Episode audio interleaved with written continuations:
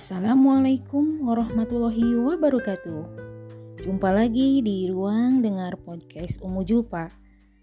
Kali ini saya akan bacakan bab 3 dari buku Udah Putusin Aja yang berjudul Pacaran Tanda Dewasa atau Beradegan Dewasa.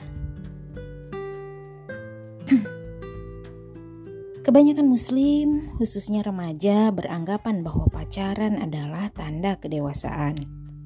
Jadi, seorang pria dikatakan sudah dewasa bila ia sudah mampu menggandeng tangan wanita, melakukan rutinitas dewasa lainnya seperti apel malam minggu, jalan, makan di kafe atau restoran. Tentu tidak ketinggalan. Akhirnya melakukan adegan-adegan dewasa. Nauzubillah, Alasan berkenalan sebelum menikah itu klise. Remaja belum tentu siap menikah. Karenanya pacaran hanya menjadi alasan untuk baku syahwat. Memuaskan nafsu laki atau malah wanitanya yang menginginkan. Bukan pacaran namanya jika tidak berpegangan, berciuman, meraba-raba, atau segala perbuatan lain yang meninggikan syahwat. Berkenalan mungkin benar, tapi terbatas hanya fisik yang dikenali. Tidak diragukan lagi bahwa pacaran adalah jalan bebas hambatan menuju jina, dan ini hal yang sangat memprihatinkan. Wajar saja terjadi jina, pertemuan yang rutin menghasilkan kesempatan-kesempatan yang muncul secara acak atau lewat kesempatan yang terencana. Setan pasti akan selalu menyertai dua insan yang bukan mahram saat berdua-duaan dan pacaran memang enaknya cuma berdua, cocok. Ditambah lagi budaya barat yang diimpor lewat sinetron, film, dan media-media lainnya sudah menjadi kiblat bagi remaja masa kini. Pesta-pesta di rumah ala Amerika sampai wisuda keperawanan ala Jepang jadi idaman remaja. Hasilnya sudah bisa ditebak. Seks bebas merajalela. Data BKKBN menunjukkan pada tahun 2010 di Jabodetabek, remaja yang hilang keperawanannya mencapai 51 persen. Remaja perempuan yang kegadisannya sudah hilang di Surabaya 54 persen, Medan 52 persen, Bandung 47 persen, Yogyakarta 37 persen. Komisi Perlindungan Anak Indonesia mendapatkan hasil yang mencengangkan setelah melakukan penelitian di 12 kota besar di Indonesia pada tahun 2007. 92% pelajar itu pernah melakukan kissing, petting, dan oral seks. 62% pernah melakukan hubungan intim, 22,7% siswa SMA pernah melakukan aborsi. Bayangkan, itu terjadi baru 2007. Dan menariknya lagi, masih menurut BKKBN, usia mulai pacaran adalah 12 tahun. Itu baru fakta yang terlihat. Gunung, es yang muncul di, di atas permukaan.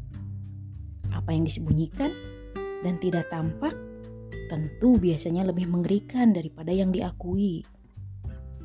Kenapa berpacaran lebih nyaman di tempat yang remang-remang, gelap sama sekali lebih disukai dan tempat yang sepi?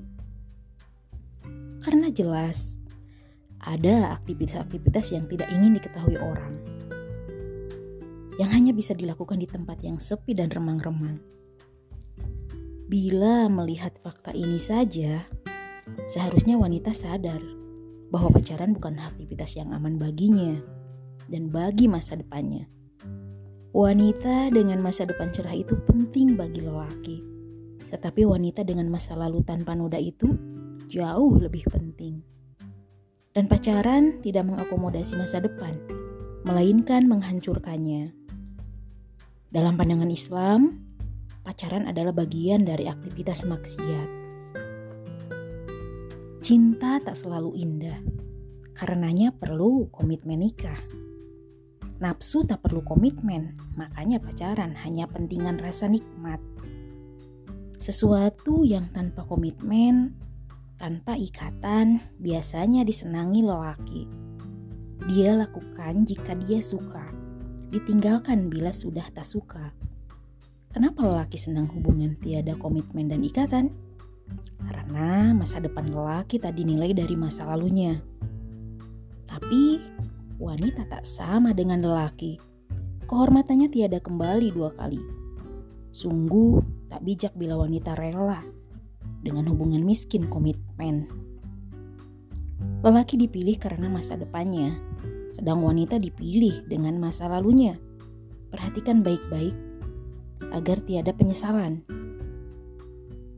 Saat, kehorm saat kehormatan sudah direnggut, wanita kalang kabut, sementara laki tinggal kabur, lalu mencari korban yang lain. Bagi lelaki yang sudah mendapatkan keinginannya, hilanglah daya pikat seorang wanita. Itu terjadi bila hubungan tanpa komitmen nikah. Begitulah jamak terjadi Kata cinta diobral murah agar wanita lemah, serahkan kehormatan. Setelahnya, semua cinta yang terlisan menguap tiada bekas. Nafsu mengamputasi akal, sedang cinta menguatkan akal. Nafsu tiada pikir hari esok, yang penting nikmat sekarang. Bayangkan, saat terlanjur direnggut kehormatan, bila dia mau menikah, itu musibah bagimu. Bila ia menolak menikah, musibah juga. Menikahi lelaki yang sudah berani berzina sama saja menikahi pezina di masa depan. Bila dia tiada tobat, sengsara di depan pastilah nyata. Bila dia yang berbuat lepas tanggung jawab untuk menikahi, maka kehidupan bagimu berat karena kau bawa beban teramat sangat. Karenanya, tiada kebaikan sama sekali dalam pacaran. Itulah ancaman sebenarnya terhadap kehormatan wanita satu-satunya. Untuk apa pacaran? Walau alasan perkenalan, bila wanita dirugikan. Lebih baik lagi bila sadar diri, belumlah siap. Jangan mulai apa yang tak mampu diselesaikan. Ucapan sayang tidak menyelamatkan wanita dari kerugian takut tiada berjodoh lalu pacaran, sama saja membeli sengsara masa depan. Bila saja wanita mengetahui apa yang dipikir lelaki saat pacaran, tentu dia akan tinggalkan detik ini juga. Sayangnya, hanya sedikit yang tahu. Boleh kau anggap nasihat kami fiksi, sampai suatu saat jadi bagimu faksi. Boleh kau anggap kami menakuti, sampai padamu terjadi.